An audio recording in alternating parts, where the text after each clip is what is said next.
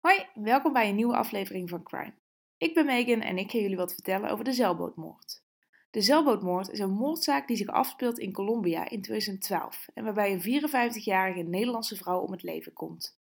Dudana de Bruin blijkt op haar eigen boot te zijn vermoord. Maar door wie? Lange tijd wordt haar man Peter als verdachte gezien. Hij beweert echter dat piraten de boot enterden en zijn vrouw hebben vermoord.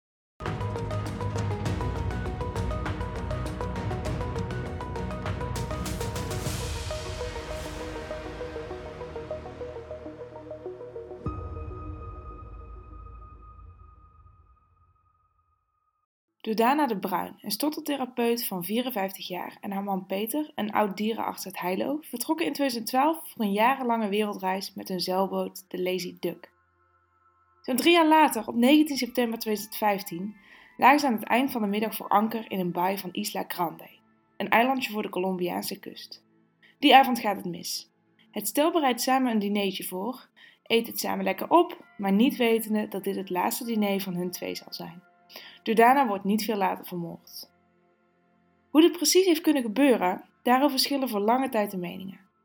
Peter stelt al jaren consequent dat piraten hun schip enterden op het moment dat hij op het toilet zat en Dudana in de keuken stond.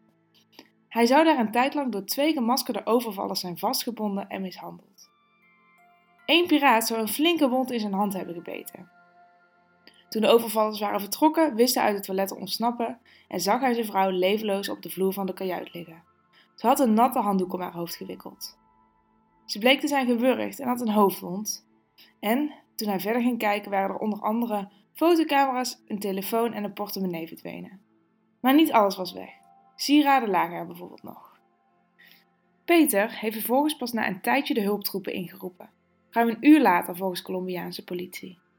Dit is dan ook een van de redenen dat hij niet veel later als verdachte zal worden gezien. Want waarom heeft hij niet eerder contact opgenomen met bijvoorbeeld de kustwacht of de politie? Nou, Peter geeft hiervoor een verklaring.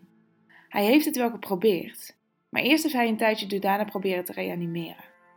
Dit mislukte.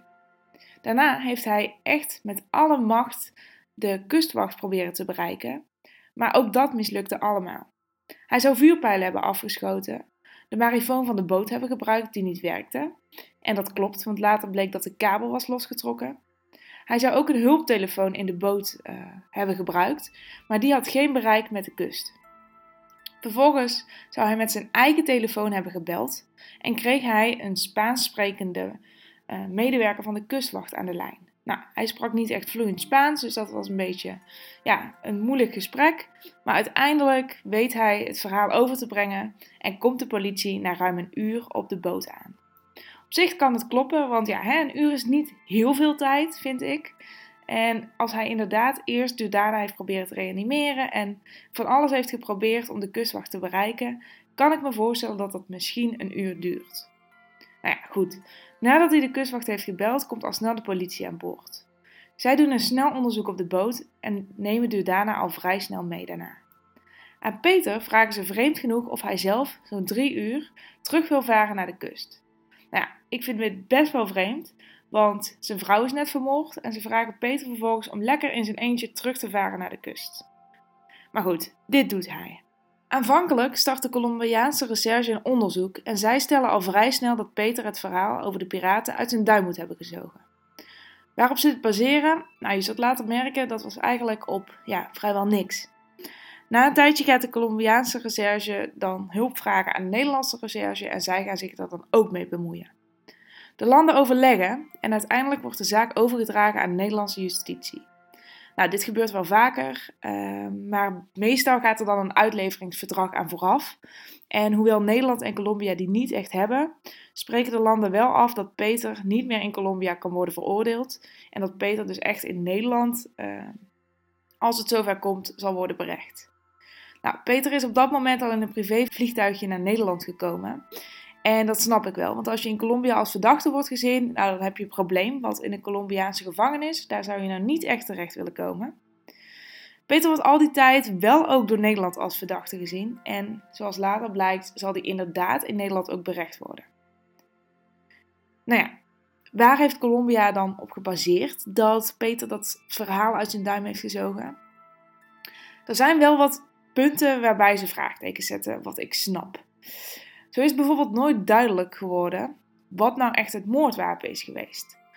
De Colombiaanse politie is nadat het ongeluk heeft kunnen gebeuren, of de moord heeft kunnen gebeuren, zijn ze gaan duiken om te kijken of hè, wellicht het moordwapen overboord is gegooid. Ze vinden niks.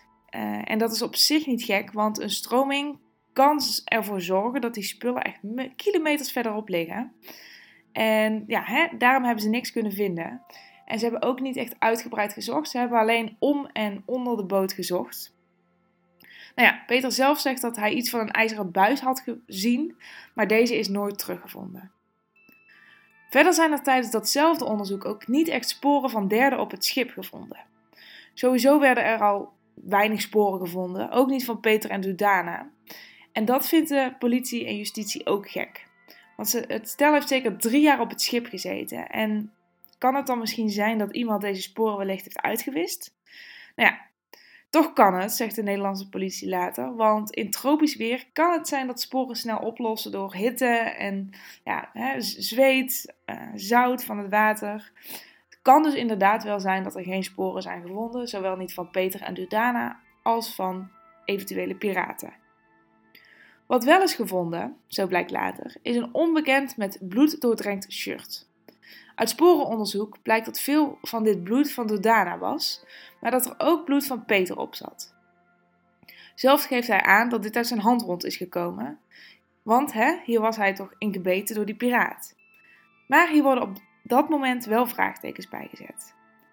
Kan het zijn dat hij niet gewoon zichzelf had gebeten om het verhaal geloofwaardiger te maken? Nou ja, pas na vijf dagen is uiteindelijk de wond van Peter onderzocht. Maar toen konden ze al geen ja, DNA van de dader of van Peter meer herkennen. Dat had veel eerder gebeurd moeten zijn. Nou, al met al kun je dus wel zeggen dat het forensisch team in Colombia destijds niet echt goed zijn werk heeft gedaan. Het plaatsdelict is gewoon niet goed onderzocht. Peters wond had onder andere meteen onderzocht moeten worden. En ook was de zoektocht naar eventuele sporen of de zoektocht in het water naar een moordwapen niet uitgebreid genoeg. Al met al nog heel veel vragen dus. Waarom heeft Peter er zo lang over gedaan om de kustwacht te bellen? Waar zijn de sporen überhaupt van de piraten? Wat is het moordwapen? En kan het zijn dat Peter zelf in zijn hand heeft gebeten? Nou ja, allerlei vragen die lang door de, de hoofden van Colombiaanse recherche spelen en uiteindelijk ook door de hoofden van Nederlandse justitie. Peter heeft echter wel altijd consistent verhaal gehouden. En hij is dan ook nooit in voorarrest geweest. Maar ondanks dat wordt hij wel al die tijd als verdachte gezien. Nou, nu kun je afvragen, maar waarom? Er is namelijk geen hard bewijs dat Peter zijn vrouw heeft vermoord. En dat is wat het lastig maakt, uh, want ook voor het verhaal van de piraten is geen hard bewijs gevonden. Er zijn geen sporen gevonden, geen moordwapen. Er is gewoon geen hard bewijs dat één van de twee verhalen klopt. Nou, dan kan je vragen: heeft hij dan een motief gehad? Nee, eigenlijk ook niet. De twee waren al 35 jaar samen en waren op dat moment een prachtige wereldreis aan het maken. Getuigen zeggen later wel dat ze een kleine ruzie hebben gehoord op het schip, maar ja, de boot lag echt op anker op zo'n 150 meter van de kust, dus het is te betwijfelen of ze echt Peter en Jordana hebben gehoord. Al met al geen hard bewijs dus. Maar goed, wat is dan de intentie van de piraten zou je denken, want de helft van de waardevolle spullen lag nog op de boot. En ze hebben uiteindelijk maar één van de twee mensen op het schip vermoord, wat überhaupt ook een beetje vreemd is. Ja, het lastige is dus, ja, het kan gewoon niet van twee kanten bewezen worden. Uiteindelijk werd er door het OM acht jaar geëist tegen Peter voor doodslag, niet voor moord dus, want ze denken niet dat hij dit met voorbedachte raden heeft, eh, heeft gedaan. Uiteindelijk is op 16 oktober 2020 een uitspraak in de rechtbank van Utrecht geweest en die heeft Peter, die op dat moment al 65 jaar was, vrijgesproken. De rechtbank vond het scenario dat het echtpaar is overvallen door piraten aannemelijker dan het verhaal dat Peter zijn vrouw zelf heeft vermoord en heeft daarom ook geen hoger beroep geëist. Een van de voorwerpen die daarin nog wel heeft meegespeeld is het bebloede shirt dat is gevonden. De rechter ziet dat dit shirt ook van een derde persoon, dus bijvoorbeeld van de piraat, zou zijn geweest ja, het is gewoon een moeilijke zaak, want er is geen bewijs. Maar heel eerlijk, ik denk ook niet dat Peter zelf zijn vrouw heeft vermoord. Ik denk dat het gewoon echt stomme pek is voor hem dat er geen bewijs is dat die piraten op dat ja, op die boot zijn geweest. En wat me nu ook te binnen schiet, nu ik dit zit op te nemen. Uh, ik denk sowieso niet dat Peter het heeft gedaan, omdat de Colombiaanse politie hem drie uur naar huis heeft laten varen in zijn eentje, nadat Dudana was vermoord. En dat heeft hij gewoon netjes gedaan. Hij had makkelijk kunnen ontsnappen in die drie uur tijd. Hij had een hele andere kant op kunnen varen. Uh, of hij had later in Colombia nog kunnen ontsnappen, want hij heeft nooit in voorarrest gezeten. Hij had zelfs, terwijl hij de kustwacht had moeten bellen, had hij weg kunnen varen met die boot. Niemand was er lange tijd achtergekomen.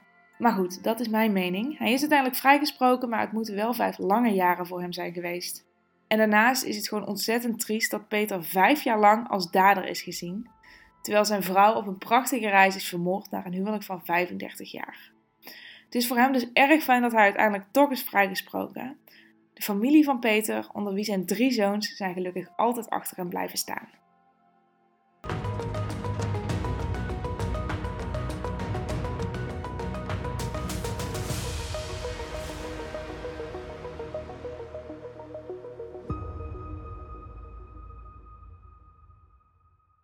Bedankt voor het luisteren naar deze aflevering. Vond je nou een leuke aflevering of wil je op de hoogte blijven? Ga dan even naar onze Instagram, crimepodcastnl of naar onze website www.crimepodcastnl.com. Ook zijn we erg benieuwd of jij nog tips hebt over een zaak die jou heel erg heeft aangesproken en die jij graag zou willen horen. Laat dat vooral ook even achter en wie weet is dat de volgende zaak die wij gaan behandelen. Tot volgende week!